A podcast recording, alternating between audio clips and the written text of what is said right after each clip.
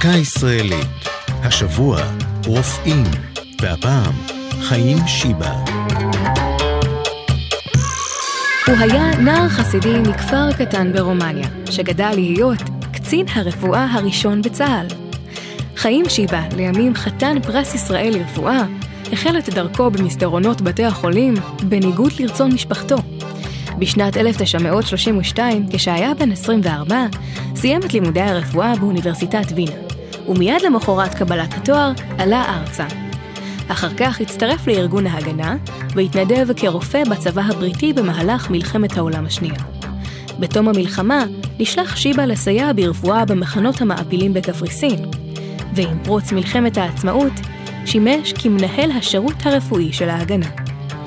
על בסיס ארגון זה יסד לימים את חיל הרפואה בצה"ל, והקים 16 בתי חולים צבאיים ברחבי הארץ תוך שנה אחת. מאוחר יותר הפך לפרופסור לרפואה באוניברסיטה העברית, ואף שימש כמנכ"ל משרד הבריאות לתקופה קצרה. תחום המחקר העיקרי שלו היה מחלות תורשתיות, ובימי העלייה מצפון אפריקה בראשית ימי המדינה, פתח בבית החולים הצבאי תל השומר מחלקה לטיפול בילדי העולים. כאשר הפך בית החולים הצבאי לאזרחי, מונה שיבה לעמוד בראשו.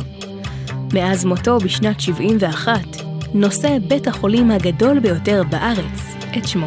זו הייתה דקה ישראלית על רופאים וחיים שיבה. כתבה יעלי פוקס, ייעוץ הפרופסור שירה שוורץ ויעל גבירץ. הגישה עדן לוי.